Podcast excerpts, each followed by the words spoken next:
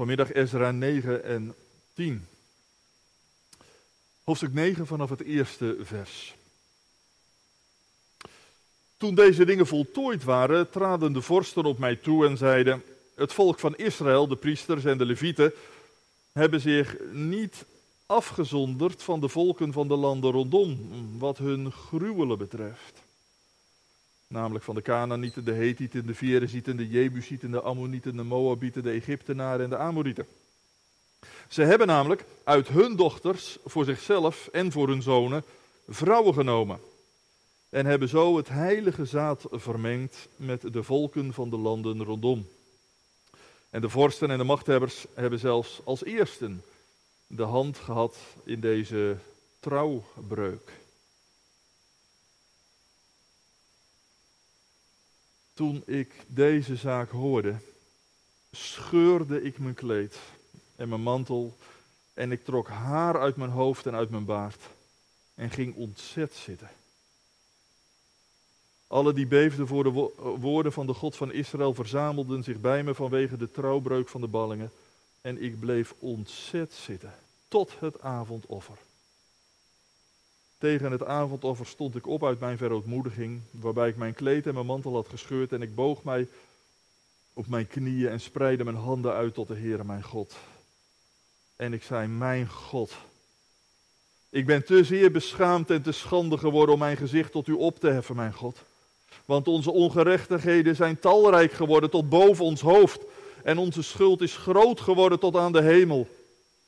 Vanaf de dagen van onze vaderen zijn we in grote schuld tot op deze dag. En door onze ongerechtigheden zijn we overgegeven.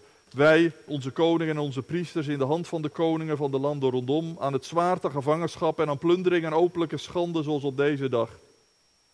En nou was er voor ons een klein ogenblik van genade van de Heer onze God om ons gelegenheid tot ontkoming te laten. En om ons vastheid te geven in zijn heilige plaats, om onze ogen te verlichten, onze God en ons enige opleving te geven in onze slavernij.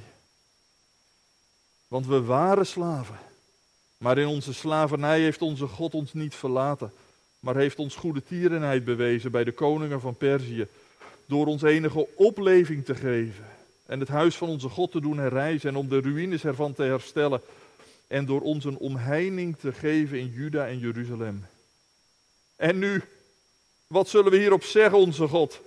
We hebben immers uw geboden verlaten, die u had gegeven door de dienst van uw dienaren, de profeten, door te zeggen, het land dat u binnengaat om het in bezit te nemen is een onrein land, door de onreinheid van de volken van de landen rondom, door hun gruwelen waarmee zij het hebben vervuld van het een eind tot het andere eind, met hun onreinheid.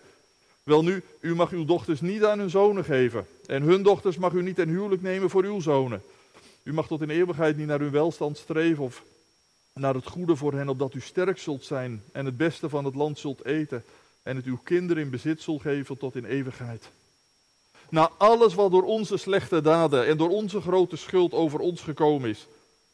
Terwijl u onze God verhinderd hebt dat wij ten onder zouden gaan vanwege onze ongerechtigheden. En u ons gelegenheid tot ontkoming hebt gegeven zoals deze. Zullen wij dan nu terugkeren om uw geboden te breken? En om huwelijksbanden aan te gaan met de volken die deze gruwelen doen? Zou u dan niet tot vernietigens toe op ons toornen, zodat er geen overblijfsel of ontkoming meer zou zijn? Heere God van Israël, u bent rechtvaardig. Want er is ons gelegenheid tot ontkoming gelaten zoals op deze dag. Zie ons voor uw aangezicht in schuld, want er is niemand die hierom voor uw aangezicht kan blijven staan. Terwijl Ezra zo bad en deze beleidenis deed en zich huilend voor het huis van God liet neervallen, voegde een zeer grote gemeente van mannen, vrouwen en kinderen uit Israël zich bij hem. Want ook het volk huilde luid. Toen nam Seganja, de zoon van Jehel van de nakomelingen van Elam, het woord en zei tegen Ezra: Wij zijn onze God ontrouw geweest. En wij hebben uitheemse vrouwen uit de volken van het land bij ons doen wonen. Echter, er is wat dit betreft hoop voor Israël. Wel nu laten we verbond sluiten met onze God om alle vrouwen en het uit hen geborene weg te sturen volgens de raad van de Heere. En van hen die beven voor het gebod van onze God, En laat er overeenkomstig de wet gehandeld worden. Sta op, want op u rust de zaak en wij zullen met u zijn. Wees sterk om te handelen. Toen stond Ezra op en hij deed de overste van de priesters van de Levieten en van heel Israël zweren om overeenkomstig te handelen en ze zwoeren een eed. Ezra stond op van voor het huis van God en hij ging naar de kamer van Johanan, de zoon van Eliasib. Toen hij daar kwam, at hij geen brood en dronk hij geen water, omdat hij rouwde over de trouwbreuk van de ballingen. En men ging met een boodschap voor alle ballingen door Juda en Jeruzalem om in Jeruzalem bijeen te komen. En van al wie niet binnen drie dagen zou komen, volgens de raad van de vorsten en de oudsten, zouden al zijn bezittingen met de ban geslagen worden. En hij zelf zou worden afgezonderd van de gemeente van de ballingen. Toen kwamen alle mannen van Juda en Benjamin bijeen in Jeruzalem binnen drie dagen. Het was de negende maand, op de twintigste van die maand. Het hele volk zat op het plein van het huis van God, bevend omwille van de zaak, maar ook omwille van de vele regen. Toen stond Ezra de priester op en zei tegen hen: U bent ontrouw geweest en u hebt uitheemse vrouwen bij u doen wonen en daarmee de schuld van Israël vermeerderd. Wel nu geef de Heere, de God van uw vaderen, de eer en handel naar zijn welbehagen en zonder u af van de volken van het land en van de uitheemse vrouwen. De hele gemeente antwoordde en zei met luide stem, zo overeenkomstig uw woord staat het ons te doen. Het volk is echter talrijk en het is de regentijd. Er is geen mogelijkheid nu om buiten te blijven staan. Bovendien is het ook geen werk voor één dag of voor twee, want we hebben met velen in deze zaak overtreden. Laat onze vorsten toch aantreden voor de hele gemeente. En laat alle die in onze steden wonen en die uitheemse vrouwen bij zich hebben doen wonen, op vastgestelde tijden komen. En met hen de oudste van elke stad en haar rechters, totdat we de brandende toren van onze God vanwege deze zaak van ons afgewend hebben. Vers 16. De ballingen deden zo. Ezra, de priester en de mannen te weten, de familiehoofden, zonderden zich van hen af naar hun familie, allebei namen genoemd hielden zitting op de eerste dag van de tiende maand om de zaak te onderzoeken. En op de eerste dag van de eerste maand hadden zij de zaak voor alle mannen die uitheemse vrouwen bij zich hadden doen wonen, afgehandeld. En dan volgt die hele lijst van namen die dat betreft. En dan vers 44. Deze allen hadden uitheemse vrouwen genomen. En sommige van hen hadden vrouwen bij wie ze kinderen gekregen hadden. Zo luidt het woord van onze Heer. Amen. Gemeente van onze Heer. Ezra is in Jeruzalem aangekomen met een duidelijke missie. En nu wil hij ook meteen aan de slag om Gods wetten in te voeren. Maar net voordat hij alle leiders bij elkaar wil roepen, komen er een paar familiehoofden naar hem toe. Eh, Ezra, wacht even voor u nou alle leiders bij u roept, moeten wij wel één ding over hen vertellen. Want u wil samen met hen de wet van God gaan invoeren, maar weet u eigenlijk wel dat een heel aantal van hen zich helemaal niet aan die wet houden? In het contact met onze heidense buren gaan ze alle grenzen over. Sterker nog, velen zijn zelfs getrouwd met heidense vrouwen. Maar, maar dat mag toch helemaal niet? En ja, daar hadden die klokkenluiders wel gelijk in. Zulke verzwagering had de Heere streng verboden. Niet omdat Gods kinderen zoveel hoogstaander zijn dan dat andere gepeupel. Natuurlijk niet. Maar wel omdat Gods kinderen zo zwak zijn. En in intieme relaties moeilijk weerstand kunnen bieden aan wat God verkeerd vindt. Het, meest dramatische voorbeeld daarvan is natuurlijk wel koning Salomo. Hè? Wat begon die jongen wijs en vroom. Maar toen trouwde hij met buitenlandse vrouwen en ging hij met hen mee om hun afgoden te dienen in hun tempels. En zo ging het ook bij koning Agab. Nadat hij met Izebel was getrouwd, introduceerde hij haar Baal en Astarte. En daarmee ook de zedeloosheid die bij die godsdienst hoort en de tempelprostitutie. En als gevolg daarvan ging men later de Moloch aanbidden. Je weet wel, die God die om kinderoffers vraagt. En zo gaat het dus van kwaad tot erger. Daarom spreekt vers 1 ook over de gruwelen van die volken. Want Daar zit een, een demonische verleiding in.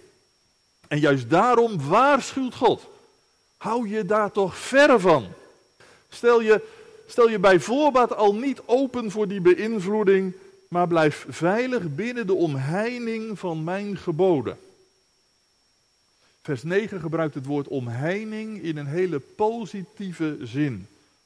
Gods wet is geen vervelend hekwerk dat je opsluit en beknelt. Nee, Gods wet is dat noodzakelijke hekje dat je, dat je beschermt voor de afgrond. Pas op, dit is gevaarlijk. Ja, je dreigt zo makkelijk mee te gaan met wie je je inlaat. Dat geldt voor onze relaties toch ook. Wat, wat, is, het, wat is het moeilijk om, om binnen het huwelijk in je eentje te geloven? Moet, moet je nou vanavond alweer naar die Bijbelkring? Maar dat is voor mij toch ook helemaal niet gezellig? Hoe, hoe, hoe vaak moet je dan niet schipperen? En leven je van lieve leed toch in? En, en zelfs als je, het, als je het voor jezelf heel oprecht bewaren mag, wat, wat is het dan moeilijk om het aan je kinderen over te dragen? Want als papa wel naar de kerk gaat en mama niet, naar welke kant neigen de kinderen dan? Jammer genoeg is dat vaak voorspelbaar. Straks in Nehemia 13 komt dit nog een keertje naar voren. Kennelijk is het hardnekkig. Nee, en dan staat er zo, ja, zo treffend in Nehemia 13, vers 24. Hun kinderen spraken niet eens meer Joods. En met andere woorden, ze spraken niet eens de taal van het geloof. Ze, ze begrijpen de Bijbelwoorden niet meer. Wat bidden is of toewijding. Ze kunnen er niet eens over meepraten. En ja, zo trek ik de lijn dus al door naar onze huwelijken. Maar kan dat eigenlijk wel? Ik, ik vraag dat ook maar voor onze jongeren, die misschien wel heel actief naar een relatie zoeken. Eh, uiteraard heb je ook veel niet-gelovigen in je netwerk. Maar wat moet je dan met, met zo'n Ezra? Hij lijkt wel heel exclusief en, en hard. Maar is dat niet oud-testamentisch om je, om je zo af te zonderen? Is het voor nieuw-testamentische gelovigen niet heel missionair om juist innige relaties met niet-gelovigen aan te gaan? misschien komt zij wel door, tot geloof, hè, door mij. Dat kan toch? Ja, dat kan. En in mijn vorige gemeentes heb ik dan ook meer dan eens een huwelijk mogen bevestigen, waarvan de ene partner door de verkering tot echt geloof gekomen was. En dat is toch werkelijk fantastisch. Als je zo tot een trouwdag komen mag, dan, dan, dan juichen de engelen in de hemel. Dan juichen de engelen in de hemel. Dus ja, dat kan. dat kan absoluut. Daarom kun je ook verkering hebben met een niet-gelovige. Als je verliefd wordt, en dat is wederzijds, dan hoef je dat niet gelijk af te kappen. Daar heb je immers nou net de verkeringstijd voor. Om elkaar zo te leren kennen dat het duidelijk wordt of je met elkaar verder wil en, en ook met elkaar verder kan. Ja, maar ik zeg er wel bij, voor je huwelijksdag moet dat ook wel duidelijk zijn. Dat jouw geliefde niet alleen voor jou kiest, maar ook zelf de Heere wil volgen in zijn hart. Zodat je voor Gods aangezicht allebei naar waarheid kan zeggen dat je de ander trouw wil houden bij het heilige evangelie. Voor je trouwdag moet dat duidelijk zijn. Want je, je huwelijk is niet bedoeld als evangelisatiemiddel. Omdat je huwelijk is bedoeld als een stukje koninkrijk van God. En daarom vind je dit gebod van heiligheid net zo goed ook in het Nieuwe Testament. Het is die bekende tekst van Paulus die die schrijft in 2 Korinthe 6 vers 14. Vorm geen ongelijk span met een niet-gelovige. Die beeldspraak moet je even voor je zien, want Paulus gebruikt hier het voorbeeld van een boer. Als een boer zijn akker goed wou ploegen, dan, dan moet hij voor zijn ploeg twee dezelfde dieren zetten. twee koeien of, of twee ezels, maar twee dezelfde dieren met dezelfde kracht, want, want, want dan gaat het goed. Maar als je er nou een koe en een ezel onder zet, ja, dan, dan loopt het hele zaakje scheef en dan, dan, dan, dan lukt het nooit. En Paulus betrekt dat op het huwelijk. Vorm als gelovige geen ongelijk span met een ongelovige. Want waarin stem je als gelovige en ongelovige nou overeen? Nou ja, natuurlijk kun je in het algemeen best veel interesses delen. Of die passie waar je echt voor gaat, jullie twee. Als je werkelijk de Heere lief hebt, wie heb ik nevens u omhoog? Heere, hoe heerlijk is uw naam. Als hij je diepste schat is, dan kun je met je niet-gelovige partner dus niet delen wat je het meest dierbaar is. Ik hoor geregeld liefdevolle verhalen van echtgenotes die heel loyaal zijn naar elkaar. Ja, maar, maar wij laten elkaar vrij. Ik leg hem geen strobreed in de weg. Als zij dat fijn vindt, dan mag dat. Ik, ik stap op zondag op de racefiets en ga jij maar lekker naar de kerk. En dat is supergoed bedoeld. En, en toch gaat het op den duur scheef. Omdat het geloof geen hobby is voor even, maar de bron voor je hele leven. Je geloof bepaalt wat je wel doet of wat je niet doet. Met je geld, met je tijd. Je geloof stempelt je ontspanning, hoe je je vakantie viert, naar welke programma's je kijkt. Je geloof bepaalt zelfs hoe je denkt over goed en kwaad, over moraal en politiek, over leven en over dood. En je geloof bepaalt dus ook de wijsheid die je straks wil overdragen aan je kinderen. Maar als je je geestelijke bron niet deelt, dan raak je elkaar dus niet op al die facetten van het leven en vergis je er niet in hoe zwaar dat is. Ik voelde me meer dan eens verslagen als ik soms zulke verdrietige verhalen moest aanhoren. Wat kun je eenzaam in je huwelijk zijn? Eenzaam in je eigen gezin. En daarom gunt God je zoveel rijkers. Een soulmate. Met, met wie je samen bidden kan. Die jou bemoedigt als je eens even twijfelt.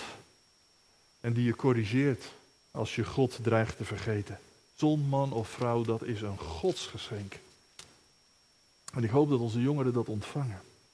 Dat ze daar naar zoeken en, en dat ze daar ook om bidden. En aan onze ouders mag ik het misschien wel vragen. Spreek je daar wel eens over met je kinderen? Je kleinkinderen? Ik, ik krijg een beetje de indruk dat wij daar eigenlijk steeds minder openlijk over praten. Alsof het om het even is met wie onze kinderen thuiskomen. En natuurlijk, ik weet dat ook wel, je hebt dat niet meer sturend in de hand. Maar je mag je verlangen toch wel delen.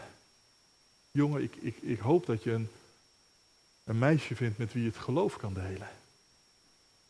Lieve dochter, wij bidden voor jou dat je een jongen ontmoet die ook de Heere dient.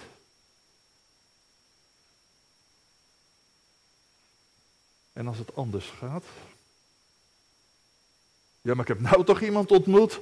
En nee, ze gelooft niet, maar we zijn wel echt verliefd. Dus ja, die gevoelens die kan ik moeilijk tegenhouden. Oh nee, waarom niet? Je zal het in het leven nog wel eens vaker meemaken. Dat je gevoelens krijgt waar je echt niet mee door kan gaan. Een mens is toch geen speelbal van zijn emoties. Een huwelijk tot de dood je scheidt vraagt om meer dan spontaniteit. Daarom moet je ook je verstand gebruiken in je partnerkeuze. En je wil. En vooral ook je geloof. En je kennis van de wil van God. Ik las eens een verhaal van een, van een gelovige jonge vrouw.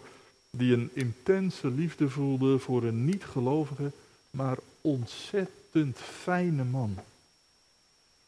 En een paar jaar lang genoten ze van hun ontmoetingen hun goede gesprekken, hun liefde voor muziek en wat niet al. En uiteindelijk maakte ze het toch uit, omdat hij pertinent niet wilde geloven. En daar ook geen interesse in wilde tonen. En zij had het daar verschrikkelijk moeilijk mee. In, in haar geval was het achteraf gezien zelfs zo dat ze nooit meer verkering zou krijgen. omdat die liefde voor die man zo diep zat. En toch vertelde ze, ik heb er vrede mee. Want nu heb ik vrede met God. Maar als ik met hem getrouwd was, dan, dan, dan had ik heel veel liefde ontvangen. Maar dan was ik Gods vrede kwijtgeraakt. En daarom is het toch goed. Vorm geen ongelijk span, maar wees samen heilig, want ik ben heilig. Ook nieuwtestamentische jongeren wijst God op de geestelijke omheining van het christelijke huwelijk. Nou, een hele praktische concretisering, maar toch, toch wil ik vanmiddag niet alleen concretiseren op relaties. Er speelt hier namelijk meer. Want ja, waarom, waarom sloot Israël al deze huwelijken? Nou ja, in het, in het Midden-Oosten trouwt men meestal niet alleen om de liefde. Een, een, huwelijk vormt ook de verbinding tussen families die je aangaat om je sociale status te houden of, of te krijgen. En aan die berekening doet Israël nu ook mee. Want als je, als je trouwt met een vrouw uit een ander volk, dan krijg je ook recht op de bescherming van dat volk. En veel Joden vonden dat ze dat wel hard nodig hadden. Want ja, ze wonen dan maar met een klein aantal in een vijandige omgeving. Dan kun je wel wat bondgenoten gebruiken. En ook om land te kopen moet je wel een ingang hebben. Nou, wat is een betere ingang dan een huwelijk? En zo spelen hier politieke en sociologische motieven. Israël wil als het ware omhoog trouwen. En dat ging zover dat Joodse mannen zelfs scheiden van hun Joodse vrouw om vervolgens met een Samaritaanse vrouw te kunnen trouwen. Dat lees je in Malachi 2, dat precies in deze tijd speelt. En ze verlaten de vrouwen van hun jeugd, zegt Malachi, om die banden aan te gaan. En ze praten dat nog goed ook, hè, want God wil toch dat wij werken aan de landbelofte. Nou ja, dan moet je ook een beetje netwerken met hun vrouwen.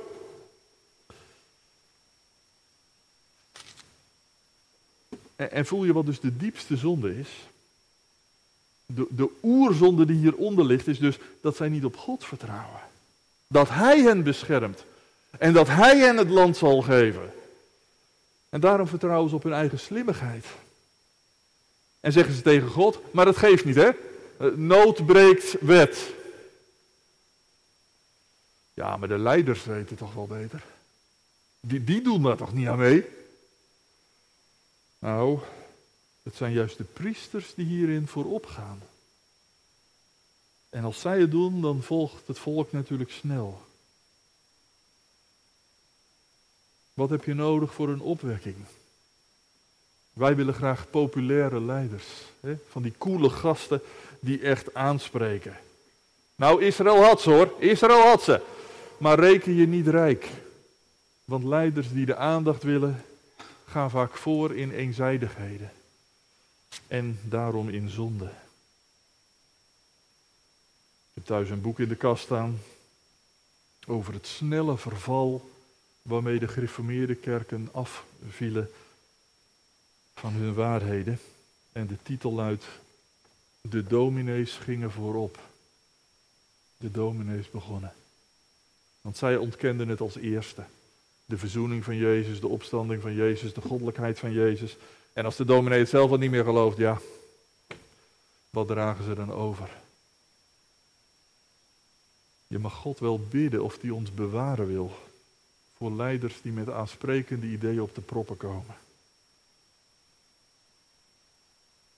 Ezra heeft alles aangehoord. En dan zegt hij niet, ja, ik begrijp het wel hoor. Je moet wel eens roeien met de riemen die je hebt. Nee, Ezra heeft geen enkel begrip voor deze zonde. En, en als hij het hoort, dan, dan, dan knapt er iets bij hem. Hij is totaal verbijsterd. Hij brengt geen woord meer uit. Want hoe is dit mogelijk? En hij scheurt zijn kleren. Hij trekt de haar uit zijn hoofd en hij valt op de grond. En urenlang ligt hij daar te huilen in het stof. Hij, hij rouwt alsof er een geliefde is overleden trouwbreuk. Hij, hij had zich zo verheugd op zijn nieuwe gemeente in Jeruzalem. Maar Jeruzalem is dood. Natuurlijk blijft dat niet onopgemerkt, want op het tempelplein passeren heel veel mensen. En die kijken daarvan op, wat is dat nou? Die, die nieuwe landvoogd, die ligt daar te huilen op de grond. En ze blijven staan en dat trekt nog meer de aandacht. En zo staat er uiteindelijk een hele grote groep. Vooral, zegt vers 4, alle die beefden voor het woord van God. want ja, je moet wel geloof hebben om die, om die pijn te kunnen meevoelen. En ze wachten op een woord van Ezra, maar dat komt niet, want Ezra heeft hier geen woorden meer voor. Uiteindelijk staat hij op om meteen weer neer te knielen in gebed. En in dat lange gebed stip ik even drie puntjes aan. Eh, ik vind deze schuldbeleidenis allereerst heel ontroerend. Want Ezra spreekt hier steeds in meervoud over onze ongerechtigheden die wij hebben misdaan. En dat valt op, want Ezra heeft natuurlijk zelf part nog deel aan alles wat er hier gebeurd is. hij kwam net uit Perzië wandelen. Hij heeft nog geen Samaritaanse vrouw gezien, laat staan dat hij ermee getrouwd is. Maar toch stelt hij zich niet tegenover de zondaren op, maar voegt hij zich bij hen. we noemen dat collectief schuldbesef. En eerlijk gezegd zijn wij daar nooit zo goed in. Denk maar aan onze excuses voor het slavernijverleden. Ja, hoezo moet ik daar excuses voor maken? Daar heb ik dan niks mee te maken. En in deze verkiezingstijd is het altijd die andere partij die de schuld krijgt voor de economie of het klimaat. Dat, dat wouden wij niet, maar hebben zij gedaan. En in de kerk klinkt diezelfde ratio. Al, die leegloop overal, ja dat is niet onze schuld, wij hebben altijd. Maar zij? En dat klinkt allemaal heel logisch. Maar in de kerk denken we nooit zo zakelijk. In de kerk kijken we nooit met het vergrootglas naar die ander, maar erken je allereerst je eigen kwaad. Ik ben de grootste van alle zondaren. En dan, dan ga je de Bijbel lezen en dan ontdek je dat die vol staat met collectieve schuldbeleidenis. Wij zijn van het heilspoor afgegaan, wij. En onze vaderen tevens. En dan ontdek je Jezus, die part nog deel had aan de zonde. Maar hij kwam om bij ons te staan. En zich te buigen onder onze zonde. En hij bad in meervoud. Onze Vader, vergeef ons onze zonde. Ik, ik, zal eens een keer eerder opwekking beginnen met schuldbeleidenis. En we mogen vanmiddag dus wel toevoegen met collectieve schuldbeleidenis. Een tweede leermoment. Misschien zijn er wel mensen in de kerk die een beetje weerstand voelen, want wat is dit toch een beetje een, een wettig stukje. Weet je wat mij hier trof? Ezra beleidt hier niet alleen schuld voor het overtreden van de wet. Nee, wat Ezra nou eigenlijk het allerergste vindt, is juist dat ze zondigen tegen het evangelie. Ezra zegt, heren, wat was u goed voor ons? U gaf ons genadig een tweede kans. U bracht ons weer thuis in een heel nieuw leven. En ja, Psalm 68 zou daar gaan zingen. Geloofd zij God, want hij overlaat ons met zijn gunstbewijzen. Wie zou die hoogste majesteit dan niet met eerbied prijzen? Ja, dat ligt toch voor de hand dan. Israël, je hebt alles aan hem te danken. Dan blijf je toch ook aan hem denken? Maar nee, ze zijn het land nog maar nauwelijks binnen of ze vergeten God opnieuw. En daar schaamt Ezra zich nog het diepste voor. Want zondigen tegen Gods wet is erg, maar zondigen tegen zijn goedheid, dat is wel de allergrootste schuld. Heren, wij slaan uw liefde in de wind. Wij vertrappen uw genade. Het is trouwens een verdieping die je ook voor jezelf maar eens moet maken. Wat biedt de Heer jou een liefde aan? Hij, hij, hij had er zijn eigen zoon voor over. Wat pijnlijk als jij dan vervolgens al je energie gebruikt om een leeg bestaan op te bouwen. Wat, wat pijnlijk als jij dan zijn liefde niet doorgeeft in in je taal en in je werk en in je gezin. Tel God zegeningen en laat zijn liefde je dringen.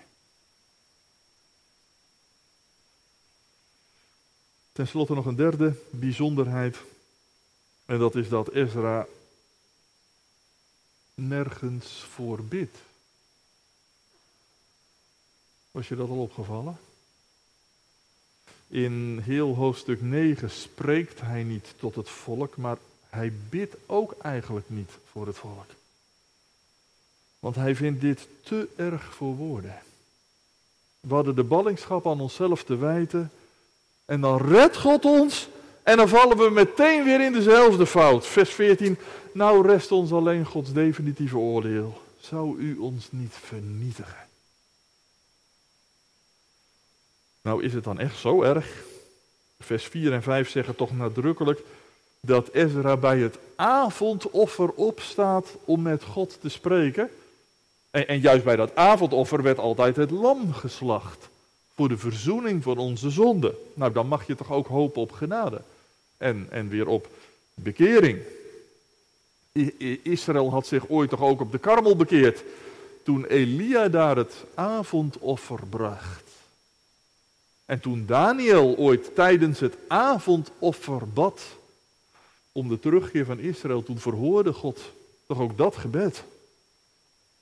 Dat, dat weet Ezra toch ook wel. Je mag toch ook hoop hebben op dat avondoffer. Jawel, daarom staat dat er ook. Dat hij bidt bij de offers die des avonds branden. Maar het lijkt alsof zijn hart er niet meer bij kan. Ezra beleidt alleen maar schuld. Hij durft niet meer te pleiten op genade. Hij doet geen voorbeden voor het volk, want zonder hoop is hij uitgepraat. Ik vond dat wel dramatisch om te lezen. Dat we Ezra hier zo verwond zien liggen. De, de Bijbel is hier dus heel eerlijk, hè? Ook bij een dominee kan het licht wel eens een keertje uitgaan. Dat je zo bent opgebrand van al dat gezeur in de gemeente, dat je geen woorden meer hebt om door te geven.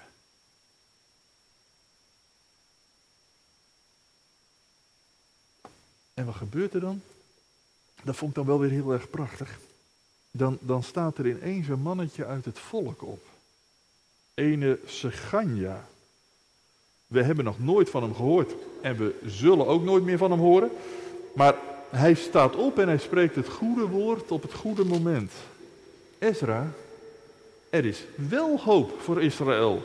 Want als wij ons bekeren en die schuldbeleidenis van u omzetten in concrete daden, dan mogen wij wel hopen op onze God. Wat heb je nodig voor een opwekking? Broeders en zusters, die ons met hoop op God oproepen tot bekering. Dat is wat profetie is. Dat is wat profetie is. En zulke profeten heeft onze samenleving nodig. Ganja. Hoofdstuk 10, vers 2 noemt hem de zoon van Jehiel. En als die Jehiel nou dezelfde is als in vers 26, dan heeft Seganja dit dus ook in zijn eigen gezin ervaren. Dat zijn vader zijn eigen moeder verstoten om met een heidense vrouw te trouwen en wat dat allemaal in, in, in huis teweegbracht. Seganja oordeelt hier dus zonder aanzien des persoons ook zijn eigen vader. Maar hij doet het. Want je kan wel eens klagen over de zonde. Maar soms moet je ook gewoon doorpakken. Die vreemde vrouwen moeten weg. Zoals God ooit tegen Abraham zei: Abraham, je echte vrouw Sarah heeft wel gelijk. Die slavin die jij als een verzekering erbij had genomen, die moet weg. En, en hoe hard dat ook kan overkomen, het, het is ook hard. Als je alleen met God wil leven, dan moet je wel willen breken met alles waar je eigenlijk je vertrouwen op had gesteld. En dan moet je breken met de afgoderij die daarbij hoort. En met de lage moraal. Met de blokkade in je geloofsoverdracht. Als je je geestelijk wil herbronnen, dan moet je je afsluiten voor die andere bronnen van verval. Ezra wordt bemoedigd. En Ezra staat weer op. De bevolking wordt bij elkaar geroepen en ze, ja, dat is ook wel bijzonder eigenlijk, ze beseffen wat ze hebben gedaan. En ze beleiden hun schuld.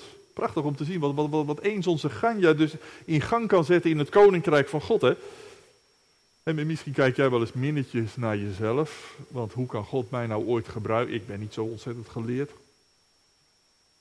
Nou ja, kijk dan maar naar Saganja. Die sprak toen Ezra zweeg.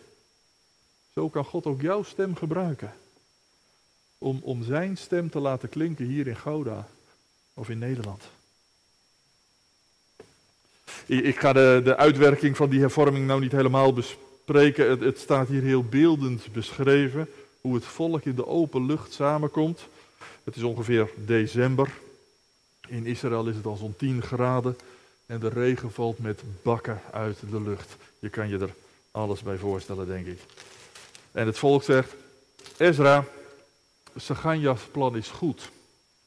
Werkelijk, dat is goed. Maar dat redden we niet in een achternamiddag. En zeker niet met deze regen. Maar zo snel moet je dat ook niet willen, Ezra. Want elk echtpaar verdient wel een persoonlijk gesprek. En, en dat kunnen alleen de plaatselijke leiders doen. En weer laat Ezra zich gezeggen door de wijsheid vanuit het volk. Inderdaad, ze hebben gelijk. Je mag niet iedereen over één kam scheren. Je, je moet ook niet strenger willen wezen dan de wet van Mozes. Notabene Mozes, die zelf een Midianitische en een Moorse vrouw had. Zoals ook de grote David. Afstanden van de Moabitische Rut en de Canaanitische Ragab. En je vindt er nog veel meer in de Bijbel, want het kan natuurlijk wel, hè. Als heidense vrouwen hun geloof in de God van Israël beleiden. Uw God is mijn God.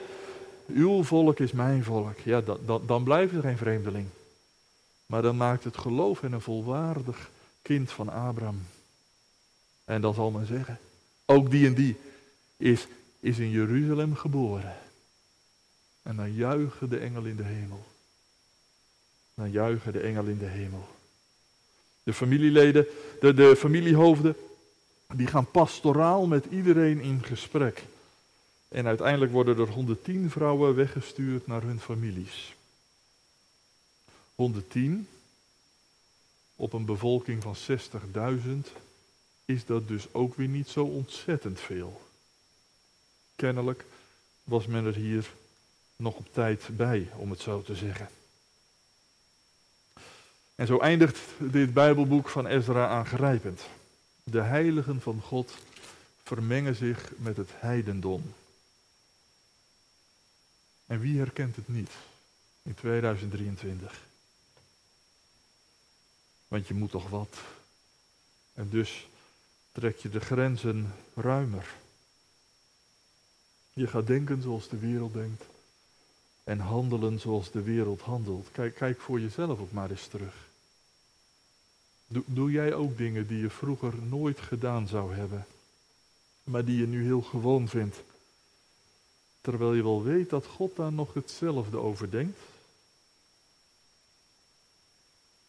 Vraag dan verzoening aan dat lam. Dat lam Jezus. Dat juist rond het avondoffer, dat negende uur, zijn leven gaf tot een verzoening van jouw zonde. En hou opruiming in je leven. Al die troep eruit.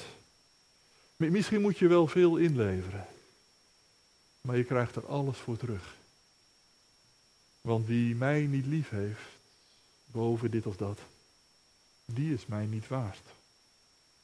Maar wie alles loslaat, omwille van het evangelie, die ontvangt nu al honderdvoud. En straks het eeuwige leven. Amen.